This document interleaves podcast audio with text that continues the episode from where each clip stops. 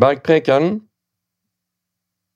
del seks, og vi var kommet til leksjon åtte av 24.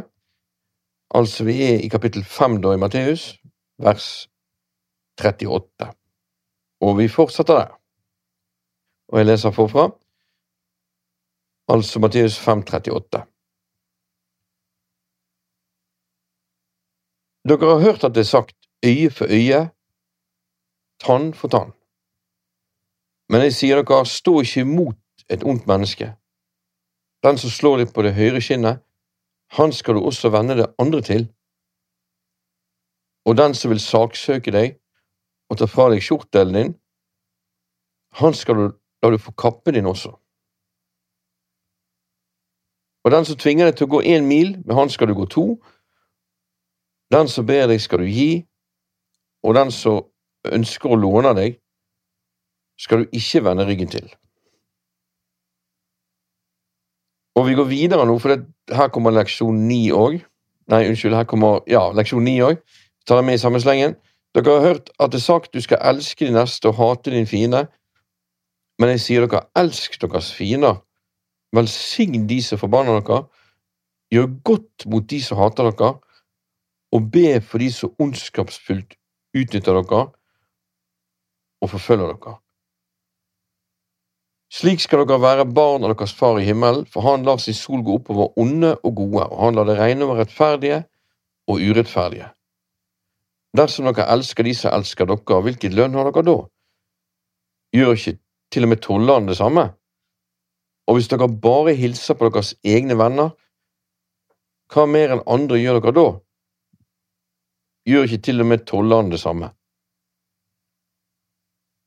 Derfor skal dere være fullkomne, som deres far i himmelen er fullkommen. Ja, så vi tar begge de to i dag, og jeg leser da fra vers 38.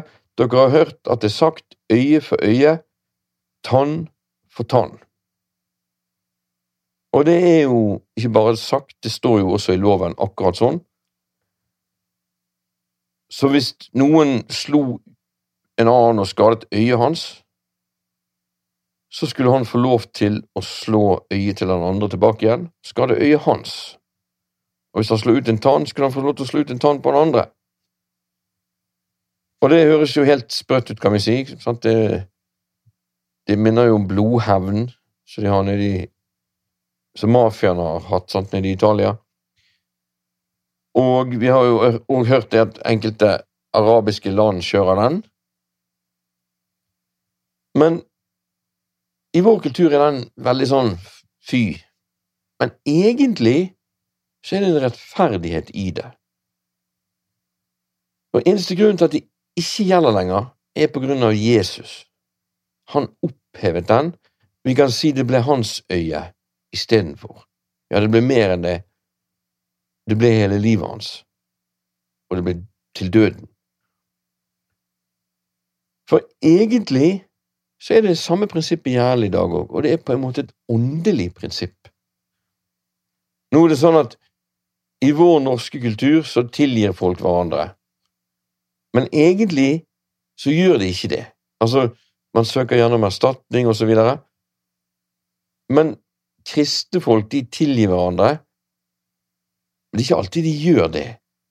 Det hender de er bitter likevel. Men så er det ukristent å ikke tilgi. Men så lever man kanskje med en skam, at man på en måte fikk en, slags um, tilstand av å være et offer. Og nå er ikke det så mye øye for øye blant kristne her, da, sant, eller tann for tann, men når man opplever seg såret av noe, noen har gjort det noe, så tilgir man, men det har gjerne en bakside med den tilgivelsen, for det er kanskje baktaling i flere år etterpå, eller ingen kontakt mer, og det er det ikke å tilgi. Så hvis det skal være sånn som Jesus sier her For opprinnelig er det øye for øye, tann for tann, men jeg sier dere, det betyr at det er en grunn til det. Som en mann sa en gang, eller jeg i hvert fall tror jeg hørte et sted, at hele Det gamle testamentet må du, eller loven, da må du på en måte se i lys av korset. For korset gjør en av tre ting med det som står i loven. Enten oppfylles det, eller vi kan si oppheves det. Nå oppheves ikke loven, da, men det, siden det blir oppfylt, så blir det på en måte opphevet at det gjelder nå for oss. Og den tredje varianten er det at det forsterkes, faktisk. Så hvorfor kan Jesus si 'men jeg sier dere til dette'? Jo, det er det én grunn til. Det er det at han betalte for det. Eller så kunne ikke han ha sagt det. Og sa jo, husker vi sist gang, sant? loven sa jo noe om skilsmisse òg. Men der gjør jo Jesus noe annet. Han peker på Tilbake til skapelsen ser vi senere òg, sant. Vi ser at ekteskapet gjelder uansett, med unntak av at den ene da lever seksuelt utskeiende. Så noen ganger så virker det som at Jesus kommer med det motsatte av det loven sa. Andre ganger kommer han med en forsterkning av det loven sa. For eksempel, du skal ikke drive hor. Ja, der kommer han med at bare det å se på en kvinne og begjære henne, da har du allerede drevet ekteskapsbrudd i hjertet med henne. Og det virker jo som en veldig innskjerping av det som står i loven. Men det han vil på en måte ha frem der, er at det er det loven egentlig sier. Ja, skal vi følge loven nå? Nei, vi følger Jesus, men dette er det Jesus sier om den saken. Så når vi følger Jesus, så følger vi det Jesus sier. Og noen ganger er det ikke bare make til loven, det er til og med en forsterkning, kan det se ut som, men det er ikke det egentlig. Det er rett og slett bare at han peker på sånn er det, liksom. Mens andre ganger så kommer han med det motsatte, sånn som her. Så prinsippet med øye for øye, tann for tann gjelder jo. Og hvis noen ødelegger noe som ditt, så kan du anmelde det, og du kan søke erstatning. Fordi vi er innunder norsk lov. sant? Du kan òg la være å tilgi personen i tillegg, men da følger ikke du Jesus. Så du kan anmelde det, du kan søke om erstatning, og du har krav på erstatning, men òg tilgi det. Det går an å følge Jesus enda mer enn det òg. For eksempel, han ødela noe som var ditt, og du ga noe enda mer han kunne få lov å ødelegge hvis han ville det. For vi ser jo videre her, sant? Men jeg sier dere, stå ikke imot et ondt menneske. Altså, Det er ikke tvil om det at dette mennesket da gjør ondt, og kanskje til og med det mennesket er ondt. Og Når han da kommer med 'stå ikke imot et ondt menneske', så gjelder ikke det bare de eksemplene han kommer med etterpå. Det gjelder i det hele tatt. Er du kristen og du møter et menneske som er ondt, eller som gjør deg ondt, så skal ikke du stå imot det onde han vil gjøre mot deg, som jo høres helt sprøtt ut for mange. Men Jesus kommer jo da med noen eksempler. Det ene er kroppen din, det andre er tingene dine, og det tredje er kanskje kan vi si, tiden din og energien din. Og jeg tror at de tre der, det må ikke være én av de tre der. Det er tre eksempler. Altså, vi kan si hvis noen stjeler stereoanlegget ditt, så løp etter han og gi han TV-en òg.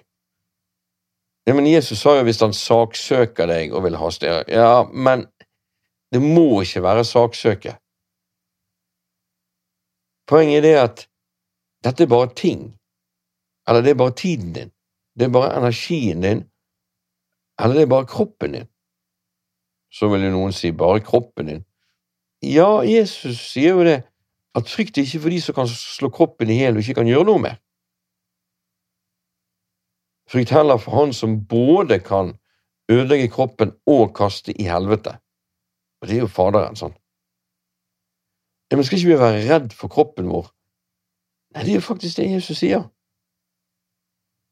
Som det å følge Jesus, bygge huset på fjell og liksom, Hvem er det som kan slå i hjel kroppen og ikke gjøre noe mer? Jo, det er jo ytterste konsekvens også djevelen. Hvis han kommer til, så bruker han ca. tre sekunder han på å ødelegge. Det ser vi i Jobbs bok. Gud tar sin hånd litt vekk fra jobb og tillater til et visst punkt, og så skjer det. Nå lever vi i ny pakt. Jeg tror ikke Satan har tilgang inn for Gud lenger, men han kan gå direkte på oss. Men han får ikke tak i oss, for vårt liv er skjult med Kristus i Gud. Vi er inn under Guds beskyttelse, og Herren er skjold og vern. Men så hender det at vi ikke går med Gud alltid, da, og ikke tar oss i vare, som det står om senere i Bibelen. For det at den gudfryktige tar seg i vare, og den onde rører han ikke. Men hva da om han ikke tar seg i vare? Ja, da kan den onde røre han. Så er det noen kristne familier som er blitt skuffet på Gud. Fordi at de har vært kristne i mange år, de har gått på søndagsmøter, og de har bedt Fader vår Nei, bedt for maten hver gang, la oss si det. Sunget sanger, de, og gjort kristne ting og så plutselig får inn i familien kreft, for eksempel. Og da er det sånn ja, dette må Gud gjøre, sant, og de ber til Gud, og så dør kanskje personen. Og så skjønner de ingenting. Fordi at de har jo trodd de var kristne, og Gud beskyttet dem. Men det å være kristen er ikke beskyttelse nok i seg sjøl. Man må jo òg vandre med Gud. Jesus kommer jo tilbake og tar hevn over alle de som ikke kjenner Han, og som ikke er lydige mot evangeliet. Og dette er det evige liv, sier han Johannes, å kjenne Han, Faderen og Han som Han sendte, det er jo Han sjøl, da. Så det evige livet ikke var kunnskap om Jesus eller om Gud, men å kjenne Han. Da snakker vi relasjon, og det står at vi er kalt til å ha samfunn med Han og med Hellig Ånd, og uten det samfunnet, der du merker Han, hører Han, kjenner nærværet Ja, uten det kan du heller ikke følge Han. Så er det mange tusen kristne per i dag som ikke vet hva jeg snakker om engang. Ok, da er det på tide å begynne å gå på kne, begynne å grunne på Guds ord. Ikke bare lese Bibel et kapittel før du legger deg. Nei, for hvis du holder på sånn, da kommer vi inn under det som Jesus snakket om når han kalte folket hyklere. Dette folket ærer meg med leppene, men deres hjerte er langt borte fra meg. Så det er liksom ikke Bibel og grunne på Hans ord som pågikk hjertet deres i løpet av dagen, og i dag er det gjerne multimedia istedenfor. Og da blir det sånn hyklekristendom, for du kan liksom bibelversene hvis det er om å gjøre, du kan de på rams, liksom, noen av de, men du kjenner ikke Han. For å kjenne Han må man grunne på Hans ord, og man må òg eh, bruke tid på kne. Være stille. Ja, må man på kne hvis du kan. Hvis ikke sitt i ro i en stol, da. Vi skal stille våre hjerter til ro for Hans ansikt, står det. sånn. Og det å søke Han, vente på Han, og vente til du hører Hans røst. Fordi at mine får høre min røst, jeg kjenner de, de følger meg. Og det er det vi har fått når vi er født på ny. Det er en ny pakt er altså en relasjon, ikke regler. Det var gammel pakt. Men det er en relasjon. Og dette snakker jeg litt om uh, Jeg har en sånn podkast som heter Veien til vekkelse. Da kan man bare søke på det, så kommer den opp. Men den er ikke lagt ut på YouTube med vilje eller på andre medier, fordi jeg tenker det at den er litt sånn for oss kristne internt. Mens på de andre kanalene så er det for alt og alle hvis de vil høre på, sant? for dette er jo rett og slett evangeliet, eller andre steder i Bibelen. Fordi at er man ikke vant til å høre hans røst, så kan det være en vei å gå for å komme det at man opplever det. Og det å kjenne Han, det er det evige liv, og det å høre Hans røst, det må til for å følge Han. Og nå er vi i Bergprekenen, og Her er det sånn at her bygger Jesus karakter. Når du prøver å følge det som står her, så vil det koste deg. Du vil komme til kort, du trenger nåde. Og jeg for min del, jeg har stadig måttet gå på kne for å, å be, for å finne ut av hvordan jeg skal klare å følge det han sier. For det, nesten alt Jesus sier, er jo umulig. Det er det motsatte av hva vi andre tenker til vanlig. Og dermed kommer jeg fullstendig til kort, og det liker Gud. for da må nåden overta. Jeg må be han om hjelp og visdom. Så her i vers 39, men jeg sier dere, stå ikke imot et ondt menneske. Det gjelder jo alle som gjør deg ondt. Og da gjelder ikke det bare kappe eller skinn eller og så videre. Nei, det gjelder ondt i det hele tatt.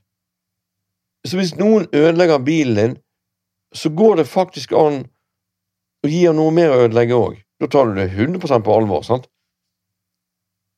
Og han vil jo undre seg hvorfor gjør du dette, kanskje du vitner han blir frelst? Hvem vet? Jeg tror at det viktigste her er ikke tingene, tiden vår eller kroppen vår, men kjærligheten. Ja, Men dette er jo helt ekstremt, kan noen si. Ja, Jesus er ekstrem. Skal du følge han, må du oppgi alt du eier og har, sier han et annet sted. sant? Så det å få trent seg på dette, det er veldig bra,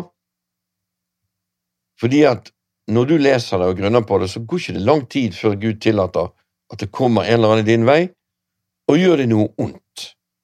Det kan til og med være en familiemedlem. Spesielt der er det god trening ofte når de ikke er frelst. Så hender det det at fienden bruker de mot oss, og, det, og da handle sånn som Jesus sier. Det er kanskje vanskeligst når du kommer til familiemedlemmene, men kanskje nettopp der kanskje eksamen på den ligger, holdt jeg på å si. Fordi at dette er jo en livsstil å leve sånn her. De første gangene du gjør det, føles det veldig unaturlig, og du gjør det bare fordi du blir minnet om det i den situasjonen, med all sannsynlighet fordi at Den hellige ånd minnet deg. For at Han skal minne dere om alt jeg har lært dere, sier Jesus. Og du står der, og du går i byen en kveld, og da kommer det en eller annen fyr og dulter borti deg med vilje. Han har vært irritert, han har kanskje gått bak deg lenge, og nå dulter han borti deg hardt, så det gjør vondt òg. Og så plutselig kommer du på det som Jesus sa, stå ikke imot et ondt menneske. Så du sier du beklager så mye, jeg vet ikke, kanskje jeg sperret veien, for det var ikke meningen det, og Mens han forventer at du skal gå bort og starte slåsskamp, og det vil han gjerne òg, for noen er jo der at de vil slåss med noen, og sier han er beruset eller ruset eller Men du er veldig grei med han. Han skjønner ingenting, sant? Altså, Gud gir deg noe å trene på når det gjelder disse tingene. Jeg har sjøl en gang løpt etter en mann for å gi han masse penger, for jeg trodde han hadde tatt penger av meg, og jeg fant han ikke, og kom hjem og så fant jeg ut at han hadde ikke tatt likevel heller. Men han var en sånn som ruste seg litt. Grann. Og en annen gang så var det noen som stjal noe av meg, og da ga jeg han Jeg husker ikke hva jeg ga, men jeg ga han noe mer. Jo, um, ja, jeg vil helst ikke si hva han tok, og heller ikke hva jeg ga han, fordi han er faktisk født på ny. Og jeg vil ikke at han skal vite om at jeg faktisk husker episoden, noe jeg knapt gjør, faktisk. Men altså, her må det trenes, skal det bli karakter. Kanskje du må vente noen år før noen slår deg på ene kinnet, men det fins grader her, forskjellig. sant? Det andre her er jo det at hvis noen tvinger deg til å gå en mil, skal du gå to med han. Og det var jo sånn ja, på den tiden forkynnelse. Jeg har ikke noe på den tiden forkynnelse. Jeg tror jo det at det Jesus sier, er høyaktuelt i dag og hver dag. For han er den samme i går, og i dag og til evig tid, og da er ordene hans det òg. Men vi kan jo ta en på den tiden, som er vanlig å si. Ja, for på den tiden var jo det Romerriket, og en romersk soldat han kunne tvinge deg til å være med han og bære noe, ca. en mil. Men han kunne ikke tvinge deg lenger, men én mil hadde han rett på, for han var romersk soldat. Og det å da komme til den romerske soldaten etter en mil og si du, jeg kan være med en mil til hvis du vil det. I dag er det gjerne ikke sånn. Men gjerne hun er gamle damen som aldri blir ferdig å snakke, og du, du føler hun stjeler tiden din. Og det å ta deg, ta deg en halvtime og høre på henne Hun tvinger jo ikke deg direkte, men du føler jo deg tvunget til å sitte der. Flott, gi henne en halvtime til ekstra når hun er ferdig. For eksempel, det gjelder å kjenne igjen hvordan Gud tester oss, når han tester oss, for det gjør han hele tiden. Det vil du merke når du begynner å gå med Gud på den måten. Så tar ikke det lang tid altså fra du leser det, og så må du få lov å meditere på det, grunne på det. Jeg leser jo veldig lite personlig hver dag i Bibelen, men jeg bruker gjerne resten av dagen på å tenke igjennom det.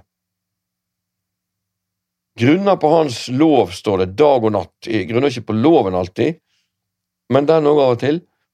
Men jeg gjør det dag og natt. Jeg grunner på Hans ord. Jeg tenker på det.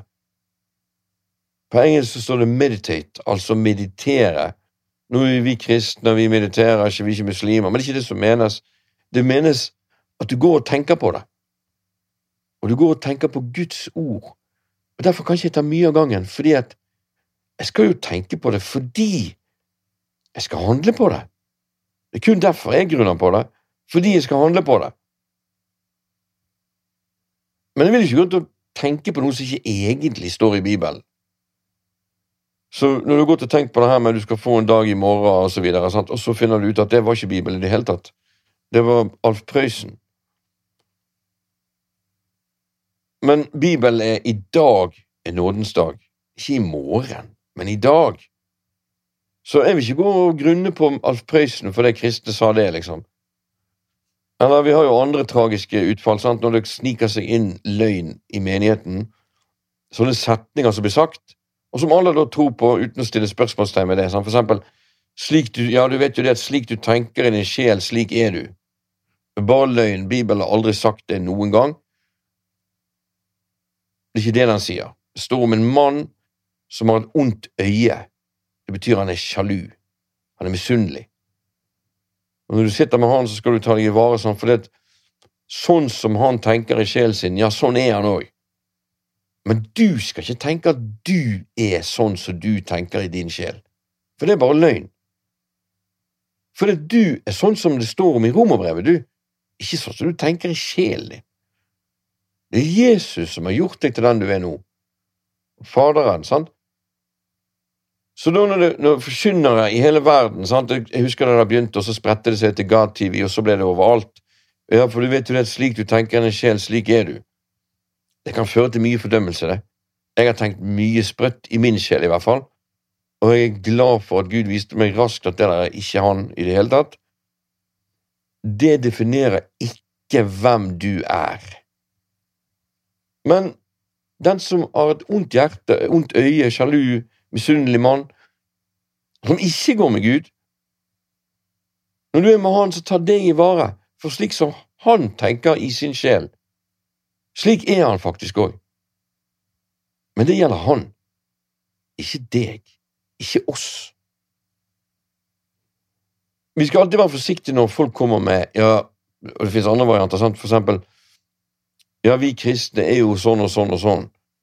Nei, vi er ikke det. Jeg tar ikke imot den forbannelsen der, i hvert fall. Når det kommer sånn lattermildt, litt sånn nedrakkende på oss kristne, sånn. Nei, vokt ditt hjerte fremfor alt du vokter for livet utgår fra det. Og hvis det der blir unnfanget i ditt hjerte, og du tror på det der tullet der, så bruker fienden det. Så vi var inne på sist gang, det er en ed, og du taler det om deg sjøl, eller noen andre sier det, og du gir samtykke til det. Det har hendt at jeg møter kristne, og så snakker de på sånn måte til meg, og så for å være vennlig og, og hyggelig, da, så har jeg sagt ja, ja, jeg er enig og sånn, så kommer jeg hjem og skal gå på kne, så kjenner jeg voldsom kamp inni meg. Så spør jeg Gud, og så sier han til meg det at ja, men du ga jo ditt samtykke her, til det han sa, og det er ikke sant. Oi, og da må jeg bryte det igjen her hjemme. Bryter det jeg sa der, i Jesu navn, og jeg trekker tilbake det at jeg sa det, ber deg tilgi meg, Gud, og bryter det i Jesu navn. Sånn sier jeg. Og det er nok. Og kanskje noen ganger hvis jeg snakker med personen, ja, du er ikke enig i det som ble sagt der, for Bibelen sier jo sånn og sånn. Så det gjelder jo ikke å være enig med alt alltid, for da havner du faktisk ganske feil, i hvert fall så lenge ledere i dag ikke er fylt med Hellig Ånd og ild, og det ikke er vekkelse. Vær forsiktig med hva du hører, og hva du tar imot. Jeg vil følge Jesus og hans sine ord. Er det sprøtt? Ja, det bryr ikke meg om, jeg følger det likevel. Alt han sier, er jo jeg, er jo jeg uenig med i utgangspunktet alltid likevel, har jeg funnet ut. Fred, Jeg må jo omvende meg og tro på de gode nyhetene, og da må jeg vende meg fra det som jeg har fra før av som standard, og så bytte det ut med det Jesus kommer med. Og når han kommer med noe, så utfordrer det meg maksimalt. Jeg okker meg og veer meg og gruer meg og syter og klager til Gud, og Gud liker det. Klag, sørg og gråt, står det i Jakobs brev, sånn. Men vi kristne skal ikke klage. Jo da, det skal vi. Ikke i løpet av hele dagen til hverandre, liksom, men gå til Gud og klage, han elsker jo deg. Klag, sørg og gråt. La latteren vendes til sorg og gleden til bedrøvelse. Ydmyk dere innenfor Gud, sant? Så når jeg da leser evangeliet, så, og, oi, oi, så ser jeg at dette her kommer til å koste meg. Og da grunner jeg på det, setter meg inn i det, ser for meg diverse situasjoner, alt som går på det fysiske, noen som gjør meg noe ondt. La han få lov til å fortsette hvis han vil det. Ja, hvis det er en mann med kniv da som vil drepe meg, ja, det spørs jo det, altså, de hadde ikke sitt liv skjært like til døden, står det. Sånn, de har seiret i kraft av hans blod og det ord de bekjente, og de hadde ikke sine liv skjært like til døden. Skal jeg stole på Gud med hele evigheten, ja, da må jeg kunne stole på ham med det lille støen her på jorda. Så på et eller annet tidspunkt, hvis du går med Jesus, så gir du fra deg kroppen din. Vær så god, Gud. Det er opp til deg. Frykt ikke for han som kan slå i hjel legemet og ikke gjøre mer. Når jeg er syk, så har jeg noen ganger vært redd da, for døden, sånn. men så har jeg kommet til det punktet at det er greit, Gud. Er dette døden, er det helt ok. For når jeg ber og prøver å høre Gud, så blir jeg ofte subjektiv. Jeg vil gjerne leve. Men når jeg kommer til det med det er greit, da hører jeg ofte Gud. For da klamrer ikke jeg meg til noe lenger. Jeg er på en måte nøytral, jeg er objektiv. Om jeg skal reise på en reise eller ikke, så har jeg ikke lyst til å reise. Vanskelig å høre Gud.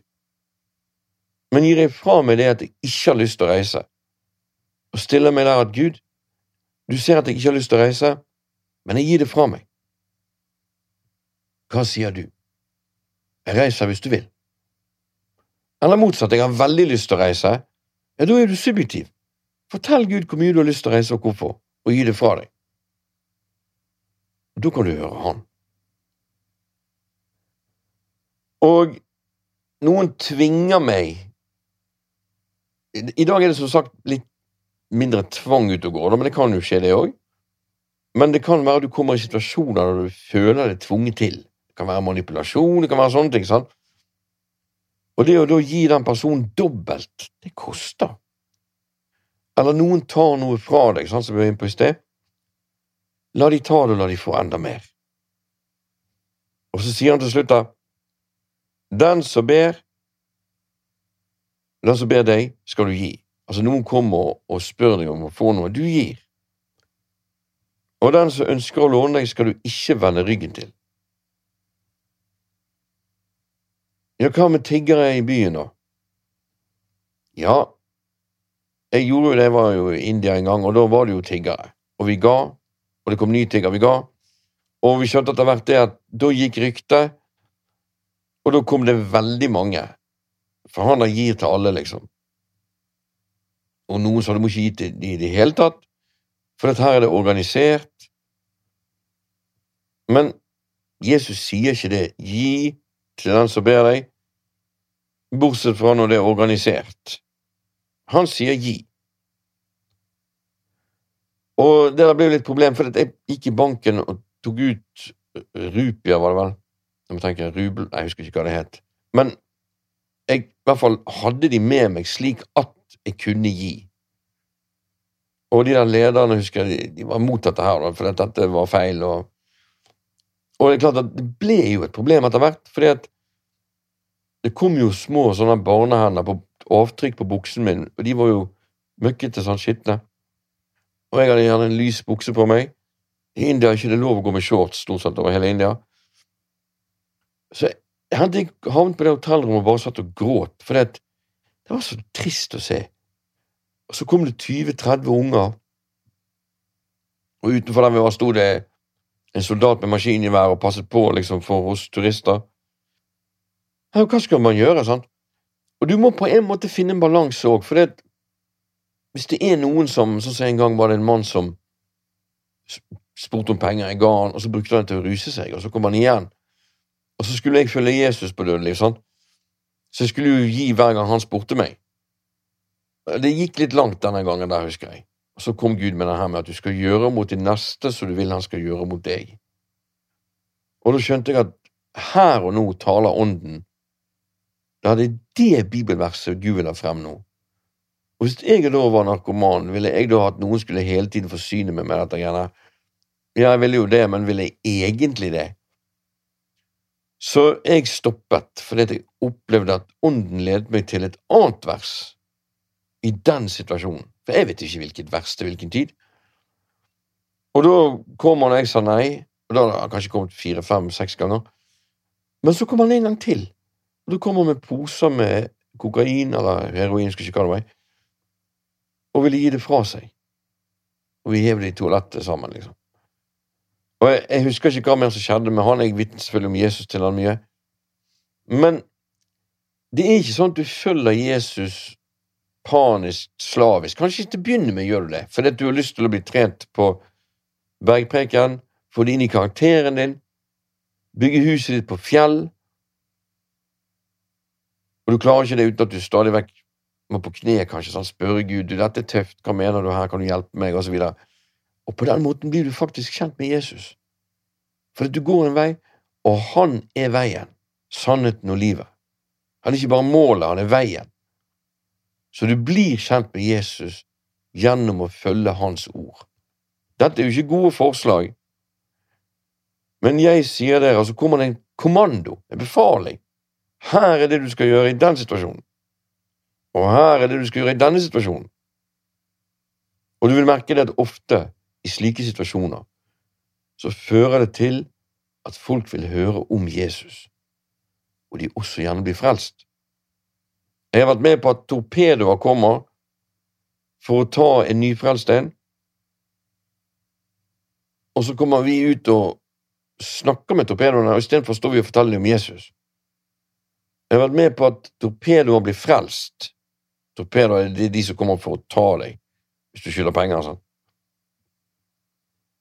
Jeg har vært med på at han som skulle tas, og torpedoen var i samme rommet, for Gud hadde frelst de begge, og var gode venner. Så det å følge Jesus, det når menneskehjerter der disse hjertene har aldri kanskje noen gang vært nådd. For det er én ting de aldri har fått i livet sitt, nemlig ubetinget kjærlighet. Noen som bryr seg mer om de enn om saken. Og jeg har merket med det at kjærlighet når inn der ingenting annet når inn. Verken ord eller logikk eller Men kjærlighet, det strekker seg veldig langt. Helt inn. Og ubetinget kjærlighet, sånn som jeg fikk når jeg ble, ble født på ny. For jeg hadde ikke vært flink, jeg hadde ikke fått til noe. Var ingenting spesielt med meg, annet at jeg følte jeg ikke var god nok. Og så frelste Gud meg likevel, og kom med denne ubetingede kjærligheten. Så ja, den som ber deg, skal du gi, den som ønsker å låne deg, skal du ikke vende ryggen til. Det er en karakter, en måte å leve på. Fins det unntak? Ja, det gjør det. Så du må på en måte søke, ha blikket vendt mot det som hører ånden til, som det står i romerbrevet, og som ikke er så vanskelig heller hvis du ellers grunner på Guds ord. Og da vil han vise deg hvis det er et unntak, at det gjelder ikke nå i den situasjonen her. Du finner ut av det, for det er ingen regel i den forstand, annet enn Jesus sine befalinger, da, men det er en relasjon. Har du noen gang hørt om en relasjon der du ikke hører den andre snakke i det hele tatt?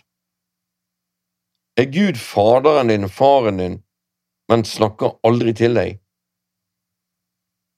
Er det noe god relasjon? La oss si du har en far, og han sender deg brev bare, og du hører aldri han snakke med deg. Aldri noe intimitet. Da jeg var liten, og min far han var litt grei med meg, så kjente jeg sånn jeg kjente sånn akkurat sånn mektig følelse inni meg. Og den følelsen må til. Når jeg ble frelst, kjente jeg Guds nærvær. Men jeg trodde ikke det var noe jeg kunne kjenne igjen seinere. Så det gikk flere år før jeg forsto at oi, det går an å kjenne igjen og igjen og igjen, ja, til og med hver dag. Og jo mer jeg har blitt kjent med Gud, jo mer kan vi si normal har er blitt. Jeg forstår at Gud far er en far. Og jeg, jeg forstår at da skal du kunne føle han, høre han. Og de det åndelige, sant? de åndelige ørene våre. Den som har ører å høre med, han hører, sier Jesus. Hvorfor sier han det? Er det ikke alle som har ører å høre med? Og som Paulus sier, sant, kjenner han og kraften av hans oppstandelse, sant, og det står òg kjærligheten som overgår all forstand, sier han òg. Når du kjenner dette her, Kjenner dere ikke at Kristus bor i dere? sier Paulus. Det må i så fall være at dere ikke består testen, sier han. Og der han sier det, jeg husker ikke nøyaktig hvor det er nå, men da kan jo man få panikken. Jeg kjenner ingenting. sant?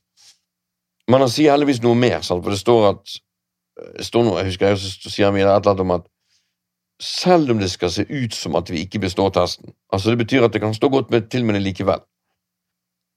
Jeg fikk mye problemer før, for det, jeg søkte Gud inngående dag etter dag, og så merket jeg hans nærvær, og så neste dag var det ingenting. Og da var det liksom hva har jeg gjort galt, hvorfor dette? Og så senere spurte Gud, da, og så sa han at jeg tester innimellom. Så noen dager merker jeg Gud, noen dager ikke. Det er opp til Gud, han tester meg innimellom, sier han. Men når vi er kalt til samfunn med Han, samfunn med Den hellige ånd Jeg mener, vi snakker om Helligånden, vi snakker om Gud. Skulle man da ikke kunne føle noe, merke noe, selvfølgelig? Ja, men blir ikke det svermerisk? La det være hvor svermerisk det være vil. Fordi at når det er mye kjærlighet, så er ikke det sånn at logikken alltid er på plass. For du blir revet med, det er følelser inni det. Har du noen gang hørt om kjærlighet uten følelser?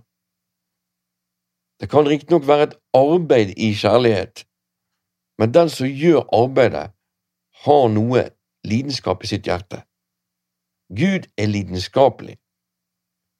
Kommer du nærmt Han? Ja, men går det an å komme nærmt Han? Ja, noen kristne lever nærmere Gud enn andre. Hvordan vet vi hvem som er hvem, da? Hold dere nær til Gud, så skal han holde seg nær til dere. Merker du noen som Gud holder seg nær til, så merker du det. Men jeg kan garantere en ting, at du kan ikke komme veldig nærmt Gud uten at det blir mye følelse. For da merker du hans nærvær, som er det fineste du kan merke. sant? Og du hører hans røst. Ja, det er mer enn det òg, til og med. Og det er jo sånn at du kan ha en far men han har ikke noe med deg å gjøre. Det er ikke noe connection, det er ikke noe relasjon. Men Gud er ikke sånn. Han har laget et grunnlag ved at han har født deg på ny. Men når det er gjort, så er det på en måte tilveiebrakt muligheten for det han egentlig vil ha, nemlig relasjon.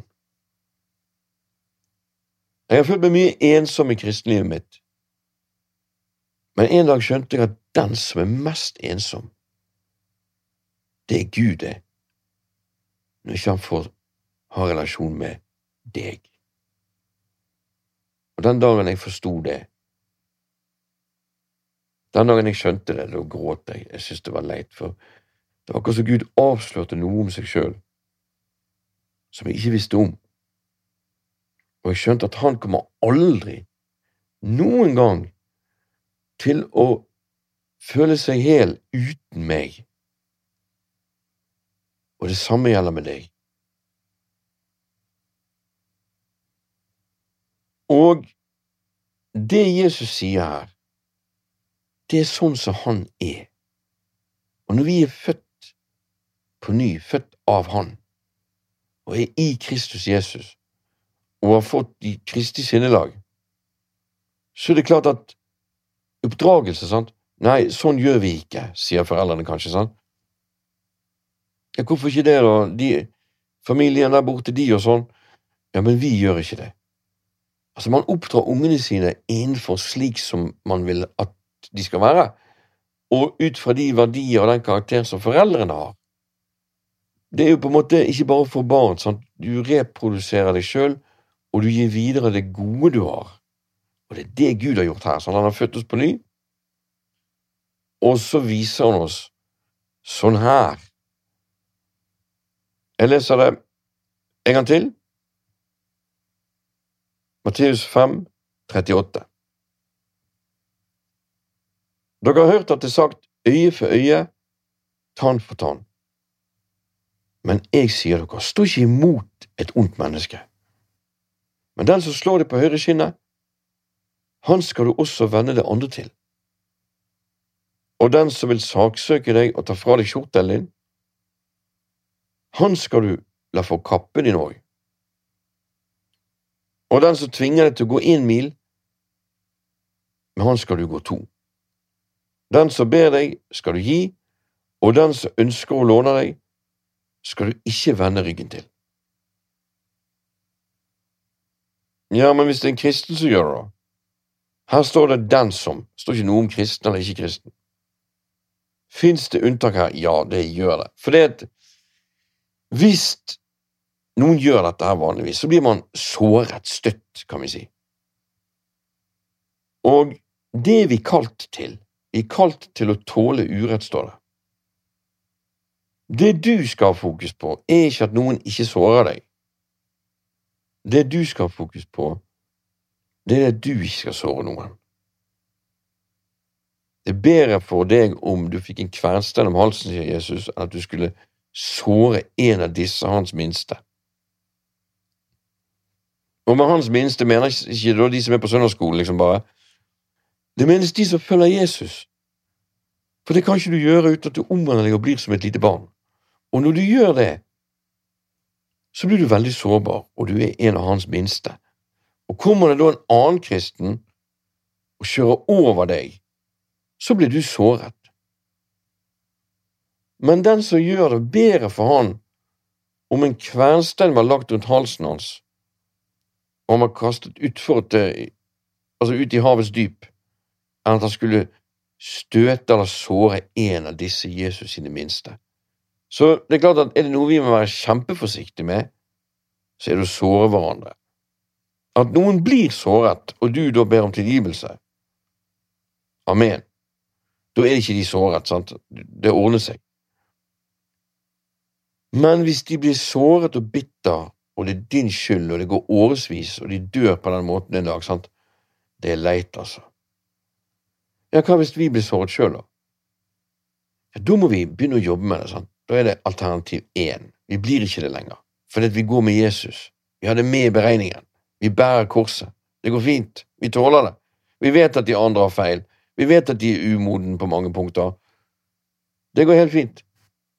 Jeg blir ikke såret i det hele tatt lenger. Eller jeg blir det. Ja, ja, men jeg tilgir han der og da. Eller jeg blir det, og jeg klarer ikke å tilgi han der og da. Jeg må bearbeide det i bønn med følelsene mine. Og jeg gjør det. Og jeg gjør det før solen gått ned, som Jesus sier. Jeg gjør det den dagen. Og i tillegg ber jeg for han. Du ser denne broderen, at han tråkket på meg der, Gud, og jeg tilgir han. Og jeg har jo mine ting sjøl. Jeg har jo bjelke i mitt eget øye, så hvem er jeg til å dømme han? Men det var litt tøft, Jesus. Jeg ber deg tilgi, tilgi meg at jeg ikke tok det bedre akkurat enn det der. Og så ber jeg velsigne han, hjelp han til å se det der. Eller hvis det er tøff nok sak, ok, da kan det være du må ta det opp med han. Men hvis du gjør det, så må det være en sak som du er villig til å stå hele veien ut, ut på. sant?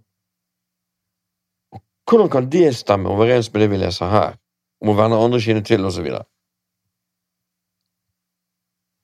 Jo, det finnes saker der det personen gjør, ikke bare var støtende, men det støter deg hver dag fremover.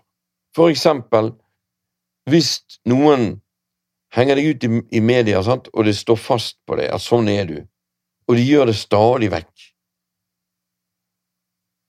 eller de anklager deg eller anmelder deg på feil grunnlag, og du Det kommer et slags rulleblad på deg fordi at dette er noe som påstås om deg, og så er det bare løgn. Da er det sånn Dette her vet du ikke er noe som du skal godta. Og det som Jesus sier, gå og snakk med ham. Hvis ikke han hører på deg, ta med deg en til, eller to til. Hvis ikke han hører på deg heller, si det til menigheten. Og hvis ikke han hører på den heller, da sier det at han påstår at du er sånn og sånn, og så kommer det masse negativt. Så sier du ja, men jeg er jo egentlig bare en jeg er egentlig bare en disippel som deg, en leirklump i Guds hånd. Nei, du er sånn og sånn og sånn, og du har alltid vært det, og du kommer alltid til å være det, og Nei, det kan ikke jeg godta, altså, dette må du slutte å si, altså, for det stemmer ikke, jeg er født på ny, jeg er en bror i Kristus. Og så gir han seg ikke, og du tar med deg en eller to til, nei, han er sånn, og han står fast på det. Da var jo han, dessverre, forherdet hjertet sitt mye, sant?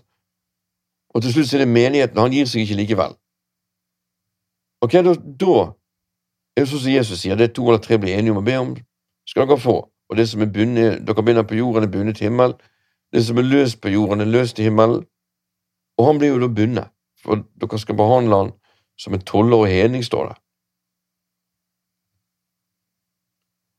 Og ja, jeg har møtt på det i livet òg, ikke mot meg. Hadde jeg gjort det mot meg, hadde jeg vandret ydmykt, lyttet på folk og prøvd alt jeg kunne å omvende meg, altså.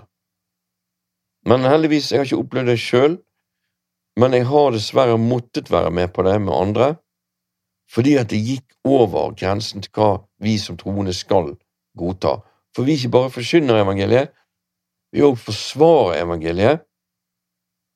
Så hvis noen støter deg med å slippe inn noe iblant de hellige som ikke skal være der, og står fast på å få lov til det, så må du rett og slett ta affære.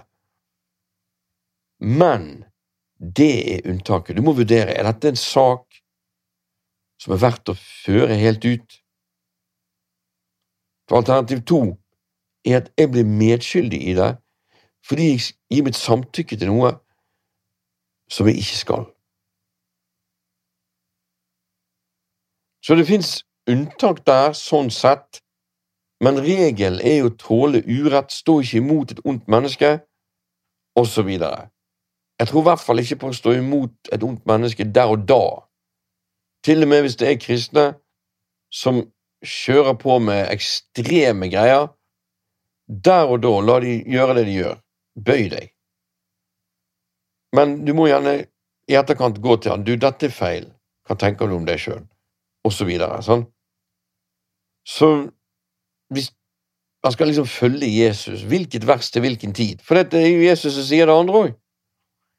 Da må du ha ånden. Du må kjenne i ditt hjerte hva som gjelder når. Et eller annet sted i Bibelen er du i hvert fall. Så jeg tror ikke på å stå imot når det onde skjer mot deg, men jeg tror på at be for han at han kommer og sier unnskyld og ordner opp i det, hvis det er en kristen, en, eller du må i noen ekstreme tilfeller gå og ta det opp med han. Hvis han nå sier jeg angrer, skal du tilgi han. Hvis ikke han hører på deg, ta med deg en eller to til. Jeg var med på dette en gang og fikk høre det ja, da skulle den andre òg ta med seg en eller to til. Og da sa jeg nei, det kan ikke vi gjøre, for det er ikke det Jesus sier. For Jesus sier nemlig på sånn måte at den som opplever seg overkjørt til det ekstreme nivået der, han har retten til å ta med seg en eller to til. Ikke at den som overkjører, skal òg ta med seg en eller to til. Altså, da, blander vi inn demokratiet og sosialisme inn i evangeliet. Nei, vi følger Jesus. Kommer det en til meg og tar noe opp med meg som han er veldig såret, og ja, da må jeg prøve å høre på han og møte han for enhver pris. Hvis ikke hadde det vært bedre om jeg ble kastet i havet med en kvernstein rundt halsen. Og da sier de at nei, jeg kan ikke være enig med han, beklager, ja, da vil han ta med en eller to til, ja, da ønsker jeg deg velkommen. Ja, det må du absolutt få lov til, for da kan de to andre òg bedømme det i ånden, sant? de står ansvarlig overfor Gud. Jeg har vært med på sånn òg, da jeg var en av de to. Og da var det sånn at jo, jeg var enig i dette på noen ting, men på noen ting ikke. Og da måtte jeg si til den som hadde tatt med meg, du, dette er ikke enig med deg i, her tror jeg den andre har rett. Og det ordnet seg veldig fint, fordi vi fulgte Jesus. Når du gjør det, da er vi samlet i hans navn, og han er alltid med sjøl òg, da. Det merker du. Men altså, hovedregelen er jo dette her. Dere har hørt det sagt, øye for øye, tann for tann, men jeg sier dere, står ikke imot et ondt menneske, men den som slår deg på høyreskinnet, han skal også vende det andre til. Og den som vil saksøke deg, ta fra deg skjortelen din, han skal du òg la få kappen din. Og den som tvinger deg til å gå én mil, med han skal du gå to. Den som ber deg, skal du gi, den som ønsker å låne deg, skal du ikke vende ryggen til. Og vi fortsetter. Dere har hørt at det er sagt du skal elske din neste, hate din fiende. Men jeg sier dere, elsk deres fiender. Velsign de som forbanner dere, gjør godt mot de som hater dere, og be for de som ondskapsfullt utnytter dere og forfølger dere. Slik skal dere være barn av deres Far i himmelen, for han lar sin sol gå opp over onde og gode, og han lar det regne over rettferdig og urettferdig. Dette er veldig merkelig. Slik skal dere være barn av deres Far i himmelen. Må vi gjøre dette for å være barn, da? Ja, i vår bibel er det jo litt sånn, men det er ikke sånn i originalen. For det, det er to ord for barn på gresk. Det ene er teknon, og det har med fødsel å gjøre og det er vi alle vi som er født på ny. Og det går dypere enn genene. Sant? Det er åndelig. Du er født ovenifra. Du er født inn i Kristus Jesus. Det andre er hyos. Og det er mer sånn at han er sin far lik. Han skal overta firmaet, faren er stolt av han, og så videre. Og her er det hyos det står. For det fins jo fedre som har sønner, som har vokst opp et helt annet sted og kjenner ikke faren i det hele tatt, og er veldig forskjellig til faren. Så finnes det menn som har hatt med barn å gjøre, som ikke er sønnen deres, men som blir som en sønn for dem. Sistnevnte det er Hyos. Førstnevnte det er Teknon, og med Gud har vi da begge deler. Han vil ha Teknon og Hyos. Her er det Hyos. Slik skal dere være sånne som han er stolt av barn, kan vi si da. Altså Det betyr at vi oppfører oss som vår far oppfører oss. For han lar sin sol gå opp over onde og gode, og lar det regne over rettferdige og urettferdige. Det kunne jo vært sånn at du sto om morgenen, og alle de onde de hadde regn, eller mørke skyer over seg. Mens vi som var greie, vi hadde sol. Sant? Men sånn er det ikke. Og La oss si det var tørketid, og så kommer regnet. Da kommer det bare til de som var gode. Nei, det kommer til alle. Gud Faderen er god mot de onde og de gode hver dag, og de, de urettferdige og de rettferdige hver dag.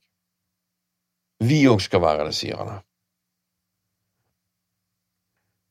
Og vers 4. Hvis dere elsker de som elsker dere, hvilken lønn har dere da? Gjør ikke til og med tollerne det samme? Ja, skal vi elske de som ikke elsker oss? Ja, det er det han sier her. Jeg holder meg til, til mine. Blant kristne er det mye sånn klikken i ungdomsgjengen. Nei, det er når de beveger seg utenfor den og inkluderer de som ikke fortjener å være med i det hele tatt, da snakker vi her, sant? Da følger vi Jesus. Da bygger vi på fjell. Og hvilken lønn har dere da? Lønn? Får vi lønn? Hvorfor får vi lønn? Egentlig fortjener vi ikke noen lønn i det hele tatt, vi fortjener helvete alle sammen. Men Gud han er sånn som en far gjør. sant? Han putter inn sånne lønn her og der. Jeg husker da jeg var liten, så hadde vi sånn ganske svær kjøkkenhage sånn der det var sådd salat og grønnsaker og bær og alt mulig. Og så fikk min far oss til å jobbe der, Men vi manglet vannforsyning der. Vi hadde ikke noe sånn hageslange. Det eneste som var at det var rente en bekk nederst nede der. Og da måtte vi gå og hente vann fra den bekken i bøtter, og så måtte vi vanne alle mulige trær og bær og frukt og grønt, og, og da fikk vi lønn. Min far betalte oss. Det var liksom penger til bensin til båten vi hadde, som òg var kjempegøy. Eller det var kanskje til og med gøyere. Og da liksom tenkte jeg dette er litt merkelig, for vi spiser jo de bærene vi sjøl til slutt. Og det er jo vi som spiser salaten, alt sammen. Og så får vi lønn, så vi kan bruke det på båten, hm. Som òg er en stor velsignelse fra pappa, liksom. Og jeg tror ikke det var så mye hjelp i det vi gjorde, altså. Så vi gikk rundt der med våre mini-trillebårer og hjalp til. Det var jo min far som måtte vanne alt sammen til syvende og sist likevel. Så det var jo egentlig bare for å få oss aktive og få oss med og få oss til å lære prinsippet om at det du gjør, det har en sant? Det var liksom kjærlighet, faktisk. Og det er jo bare Jesus som har gjort at vi fortjener noe som helst i det hele tatt. Likevel har Gud bakt inn sånne lønnposter her og der. Så hvis du elsker en som ikke elsker deg, og en som ikke er vennen din fra før av, en som ingen elsker, så får du faktisk lønn av Gud. Og videre, og hvis dere bare hilser på deres egne venner, hva mer enn andre gjør dere da? Gjør ikke til og med tollerne det samme? Og tollerne vet vi, det var de som var på vi kan si fiendens side, for det Israel på den tiden var jo okkupert av Romerriket. Og tollerne de var på en måte på lag med på sett og vis, i hvert fall med romerne. For de sto for tollen, og romerne skulle ha toll. Så de var på en måte sånn som her, sant, med, med tyskerne var her, så var de liksom det vi kalte quislinger, på sett og vis. Altså, det var ikke de gode i samfunnet, da, for å si det på den måten. Og at de da hilste på hverandre, ja, det gjorde de. Skal vi være make til de, spør Jesus her. Skal ikke vi være sånn som vår Far i himmelen? Og så kommer det en fantastisk setning. Derfor skal dere være fullkomne som deres Far i himmelen er fullkomne. Jeg synes det er en fantastisk vers. Etter å ha hørt alt det der lunkne, merkelige kristenpratet i alle år. sant? Ja, vi blir aldri fullkomne, liksom. Det er bare løgn. For det første, med ett offer har han for alltid fullkommengjort de som blir hellighet, står det i brevbrevet. Så når du er født på ny, er du for alltid fullkommengjort. Etterpå det begynner Gud å hellige deg. Så det er hvem du er. Så kommer det vi gjør. Ja, det er ingen som er perfekt, det er ingen som klarer å være fullkommen. Jo, det står jo her Derfor skal dere være fullkomne, som deres Far i himmelen er fullkommen. Ja, på gresk, hva står det da? Det står faktisk fullkommen. Teleios er greske ordet. Jeg elsker det ordet. Jeg liker fullkommen. Ja, den dagen du finner en perfekt eller fullkommen menighet, den dagen passer ikke du inn der. altså, det er mye sånn vas og liksom-humoristiske greier som er byttet ut med Jesus sine faktiske ord. Til og med dette vi har lest nå, sant? i sted her med hvis noen slår det på ene kinnet Det blir vitset om det, liksom. Har tatt på alvor mye. Men det, det, skal ikke vi ha noe av. Sant? Vi følger Jesus. Ja, det mulig å være full... Ja, absolutt. Det er mulig å være fullkommen. Jeg lover deg én ting. Den som holder seg til Herren, er én ånd med Han, står det. Vandre i ånden, så skal ikke dere fullføre kjødets lyst. Når vi følger Jesus, og ditt liv da er skjult med Kristus i Gud, skulle du da, når du vandrer der med Kristi sinnelag Ja, enten er det 100 Gud, eller så er det ikke det. Og hvis det er det, skulle det da være feil på det? La oss da si det, da, at du hilser på folk som ikke er vennene dine, folk som er onde, folk som ikke liker deg, og du elsker de som ikke elsker deg, ikke sant? Kan du være mer enn fullkommen i det? Går det an å være noe bedre? Ja, det var ikke Det var liksom Ja, du elsket de, men du er ikke super, super, super elsket de. Nei, når du gjør det Jesus sier, så er det fullkomment. Det er akkurat sånn det skal være. Det er som at du har en sønn, og du sier til han sånn og sånn og sånn, og han gjør akkurat det du spurte han om. Kan det bli bedre da? Nei, det kan ikke det. Så når han sier til slutt at derfor skal dere være fullkomne som deres far i himmelen er fullkommen, så mener han i disse tingene han har snakket om nå, og hvis du går tilbake, elsk deres fiender i vers 44. Jeg husker da jeg ble frelst, så var jeg veldig skeptisk til Bibelen, for det ville ikke bli make til alle kristne, for det måtte være noe rart ute og gått der. Noe stemmer ikke, tenkte jeg. Akkurat det ga Gud meg medhold i senere, da. Men derfor leste jeg ikke Bibelen. Helt til jeg havnet på Haukeland, og legene ga meg kort tid å leve. Haukeland sykehus, da, i Bergen. Og jeg hadde kanskje et døgn igjen å leve, kanskje ikke. Kanskje lenger. Og det var liksom krise. Og om natten slo jeg opp i Bibelen som jeg fant i skuffen der. Tenkte jeg får nå ta en titt på denne Bibelen, da. Nå når jeg skal dø, sikkert. sånn. Og det jeg slo opp i, det var dette. Elsk deres fiender. Velsign Jeg tror det var Lukas jeg leste det, da, men, men jeg husker at jeg tenkte dette er nødt til å være Guds ord. Dette har ikke mennesker funnet på, det er noe helt sikkert, tenkte jeg. Og Jeg begynte å gråte da jeg leste det, jeg syntes det var så sterkt. Hvem som elsker fiendene sine? Velsign de som forbanner dere. Altså, noen sier noe ondt om deg, til deg, og du sier noe godt tilbake. Gjør godt mot de som hater dere. Du gjør en god gjerning mot noen du vet ikke liker deg i det hele tatt, og hater deg til og med. Be for de som ondskapsfullt utnytter dere. Vent litt, betyr ikke det ikke det ondskapsfullt utnytte? Det er jo å manipulere det. Og de må du holde deg langt unna. Nei, det må du ikke. Gjør som Jesus sier. Be for dem. Kanskje noen av de må du holde deg unna, men uansett, be for dem. Det kan du gjøre hvor som helst. sant? Vår respons på manipulerende mennesker som Gud elsker Han elsker ikke det de gjør, men han elsker de. Det er å be for dem. Det Jesus sier er rette responsen på de. Og forfølger dere. Noen er ute etter deg hele tiden. Og du, du ber for dem. Det hender at noen har vært som meg, og jeg har bedt og tenkt at åh, jeg har ikke lyst til å be for den personen der. Og når jeg ber, så sier Gud til meg det at for alt du vet, Karsten, så kan det være det, det er det som er grunnen til at den personen forfølger deg. At den personen trenger forbund. Og jeg har ingen til å be for han.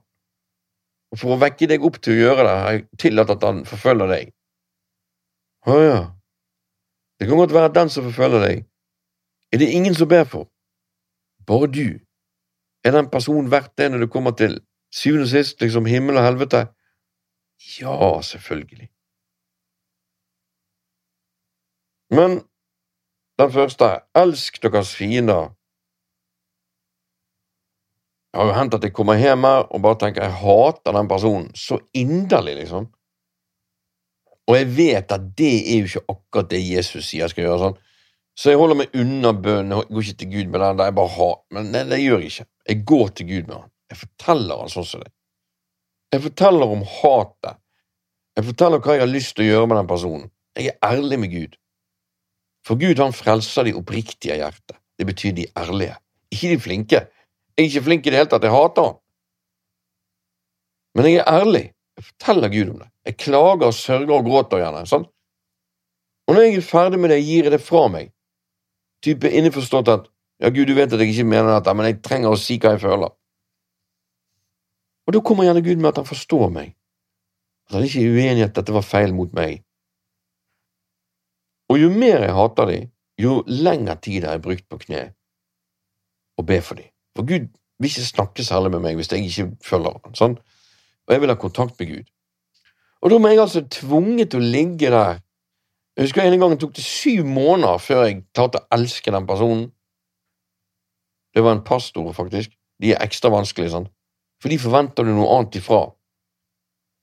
De vanskeligste er jo de på en måte sånne som en god venn eller pastor eller kjæreste, kone eller foreldre. sånn. Det er de vanskeligste. Og da må du ligge der og lide dag etter dag, uke etter uke, fordi den personen oppfører Ja, det må du kanskje. Men har du gått den ruten én gang med ett menneske, så er det på en måte tråkket opp en løype i hjertet ditt. Og nestemann blir langt fra så tøff. Det kan ta deg en dag, bare. Etter hvert er det bare snakk om timer. Så blir det snakk om minutter.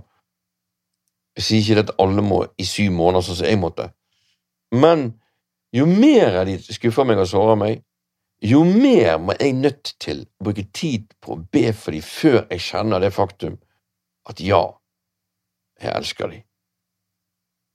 Og jeg må det stadig vekk, fordi jeg tar nattverd jevntlig, og i nattverden må jeg ransake hjertet mitt, og jeg må gi akt på Kristi legeme, og det er jo også hverandre, sant? Og hvis det da kjenner at jeg har noe imot noen der, så må jeg be for dem. Og hvis jeg unner dem det beste og himmelen, og at de fullfører tjenesten sin her på jorden, og at Gud mektig velsigner dem, og at jeg mer enn gjerne kan ha fellesskap med dem, og at jeg til og med vil det òg, gjerne, hvis det var mulig, ja, da elsker jeg dem. Gud har en høy standard på det med kjærlighet. Ingenting annet terper han oftere på og mer på enn det. Og med meg Det har ikke vært så gøy å være kristen nå, for det, kristenlivet er forferdelig kjedelig. Det er ingenting som er kjedelig enn kristelige møter osv., med mindre jeg merker Jesus der. Jeg har veldig lite sånn kristelighet i meg fra før av. Jeg passet veldig dårlig inn til å bli kristen. Og jeg klarte ikke å, på en måte bli med på det hele, følte jeg. For det jeg ble frelst, så var det Jesus som møtte meg personlig.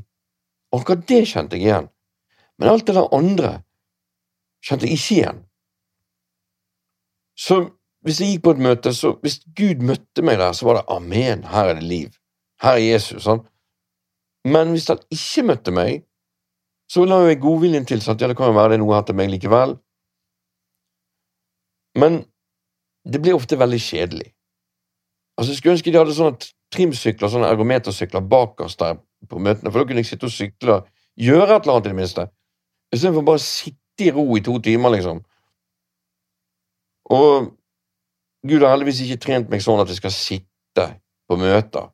Nei, hver dag trener jeg meg. Men likevel, det å ikke ha kontakten med Gud og, og være kristen er det kjedeligste som eksisterer, enten det er møter eller hjemme. Enda mer kjedelig hjemme, for jeg får ikke kontakt med Gud. Og grunnen er jo stort sett alltid har vært den samme, da. At det er noen jeg ikke har kjærlighet til. Det er noen jeg ikke elsker. Jeg husker en gang det var to kristne kvinner som satte seg opp mot meg på en måte som jeg ganske sikker på var feil. Jeg følte de på en måte rottet seg sammen og trykket meg ned som mann. Og jeg ble veldig lei meg, og så skulle de gå i etasjen under, og så satt jeg der igjen og følte meg veldig overkjørt. Spesielt med kvinner kan en mann føle et sånt trykk som andre menn ikke klarer å gi han, men kvinner klarer å gi det. Og der satt jeg og følte meg satt på plass på en feil måte av to kvinner. Og jeg snakket jo med Gud, og han sa du må tilgi dem. Og jeg ba for dem og jobbet meg litt gjennom der. Og så sa jeg sånn, nå hater ikke de lenger. Gud velsigne de. Ja, det er bra, sa Gud, men elsker du de? Elsker de? Jeg har ikke noe imot de lenger. Jeg hater de ikke. Nei, det forstår jeg, sa han, men elsker du de? Jeg kan ikke, jeg kan ikke si elsker de, Gud, men, men jeg, eh, jeg har ikke noe imot de lenger. Ja, da, da har ikke du tillit til, sa han. Og da, da, ble jeg satt helt ut. Hva mener du, er det det som er å tilgi? At elske er normalen, liksom, og jeg skal tilbake til den alltid? Ja, sa han. Og jeg måtte be mer. Jeg måtte komme til det at jeg elsket dem. Og når de kom opp igjen, så satt jeg der med kjærlighet til de begge to. Og når jeg da ikke elsker noen, så blir det rimelig kjedelig å ligge på kne. Jeg får ikke kontakt med Gud, jeg hører ikke hans røst. Eller motsatt, hvis jeg trakker på noen og ikke ordner opp, som vi har vært inne på tidligere, så skal jeg bare la denne bønnegreiene mine ligge og gå og forlike meg med den personen først. Jeg har merket meg at det er ingenting Gud er mer nøye på enn kjærlighet. Og hvis du da ikke kan elske et menneske som du kan se, hvordan kan du da elske Gud som du ikke kan se? Kjærligheten, alt Jesus snakker om, handler egentlig om den. Fordi at når du er født på ny, er du sønn eller datter av Gud. Hvem er Gud? Har han kjærlighet? Gud er kjærlighet, sier Bibelen. Det er ikke noe han har, det er hvem han er. Og du er født av Han. Det betyr at du òg er kjærlighet. Og kjærligheten bryr ikke seg mest om hva som er mest rettferdig, om penger, om tiden sin, om, ikke, om å unngå smerte. Kjærligheten bryr seg ikke mest om hvem som hilser på hvem, eller Kjærligheten når forbi alt det der, slik som Gud gjorde med deg for å frelse deg. Jeg leser alt sammen forfra igjen, vers 38. Dere har hørt at det er sagt øye for øye, tann for tann. Men jeg sier dere, stå ikke imot et ondt menneske. Men den som slår deg på høyre skinne, han skal du også vende det andre til. Og den som vil saksøke deg for å ta fra deg skjorten din, han skal du òg la få frakken din. Og den som tvinger deg til å gå én mil, han skal du gå to. Den som ber deg, skal du gi, og den som ønsker å låne deg, skal du ikke vende ryggen til. Dere har hørt det sagt, du skal elske de neste og hate din fiende. Men jeg sier dere, elsk deres fiender, velsign de som forbanner dere, gjør godt mot de som hater dere, og be for de som ondskapsfullt utnytter dere og forfølger dere. Slik skal dere være barn av deres far i himmelen, for han lar sin sol gå opp over onde og gode, og lar det regne over rettferdige og urettferdige. Dersom dere elsker de som elsker dere, hva slags lønn har dere da? Gjør ikke til og med tollerne det samme? Og dersom dere bare hilser på deres egne venner, hva mer enn andre gjør dere da? gjør ikke til og med tollerne det samme. Derfor skal dere være fullkomne, som deres far i himmel er fullkommen. Jeg vil bare si det at oversettelsen kan òg være i vers 47. Hvis dere bare hilser på deres egne brødre, hva mer enn andre gjør dere da? Gjør ikke til og med hedningene det samme, altså de ufrelste, hilser på sine egne i sin egen klikk, liksom. Jeg har vært og sett sånn kristne kommer sammen, og de hilser på hverandre voldsomt sånn innad, og så står det en eller annen ny der som ikke er frelst engang, kanskje. Ingen hilser på. Og så er det som han ene kameraten min sier, selv om jeg ikke liker ordet kamerater, for jeg tror det kommer fra kommunisme, så det er kopien av brødre. Som min bror sier, at det er så lite kjærlighet i enkelte menigheter i dag, eller de fleste faktisk, at de må faktisk sette sette noen i døren til å ønske folk velkommen, kalle de møteverter, liksom, da blir det litt sånn kunstig, for da, vi, da er ikke det kjærlighet der. Man må liksom lage et system for å få det til. Jeg vet ikke, det der er kanskje et poeng, men uansett Jesus' i kjærlighet er absolutt strekker seg maksimalt. La oss følge den La han trene hver enkelt av oss fremfor at vi følger liksom kirkenormen eller menighetsnormen rundt om. Den er ikke den viktigste. Dette er det viktigste, fordi at det er Jesus sine ord til deg. Ja, må de settes opp mot hverandre? Nei, på ingen måte, men den ene må i hvert fall ikke erstatte den andre. Det er kanskje en ny tanke for deg å være fullkommen som vår himmelske Far er fullkommen. Men tenk litt på den tanken. Se for deg at du er en som faktisk vandrer med Jesus. En gudsmann eller en gudskvinne. Der du er drillet og trent på dette, fordi du er en agent for himmelen. Og når du da i tillegg da følger Ånden etter at dette er blitt en del av karakteren din, ja, så er det Jesus folk ser. Det kan ikke bli bedre. Fordi at det er fullkomment ett med Han, og du vandrer bare på kongeveien. Er det mulig? Det er mulig. Men det står jo òg i Bibelen at vi faller alle i så mangt, står det sånn. Og den som ikke snubler i tale, han er fullkommen, står det. Samme som kommer der òg. Han er fullkommen i sin vandring. Samme ordet, teleios. Ja, men da må jo vi virkelig fornekte oss sjøl og ta opp vårt kors og følge Han. Ja, og da er det mulig. Ja, men er det syndfrihetslæren du snakker om? Nei. For selv om det er mulig, vil det alltid oppstå unntak. Ja, hvor står det i Bibelen? Ja, Det står jo blant annet at vi faller alle i så mangt. Men du må likevel gå for det Jesus sier. Du kan ikke sikte på noe mindre fordi at erfaring viser sånn og sånn. Nei, her er Jesus sin befaling angående dette. Derfor skal dere være fullkomne, som deres Far i himmelen er fullkommen. Når du da går med på det der, ikke bare hører om det, men du går med på det, da bygger du huset ditt på fjell. Da òg. Gud velsigne deg, i Jesu navn. Amen.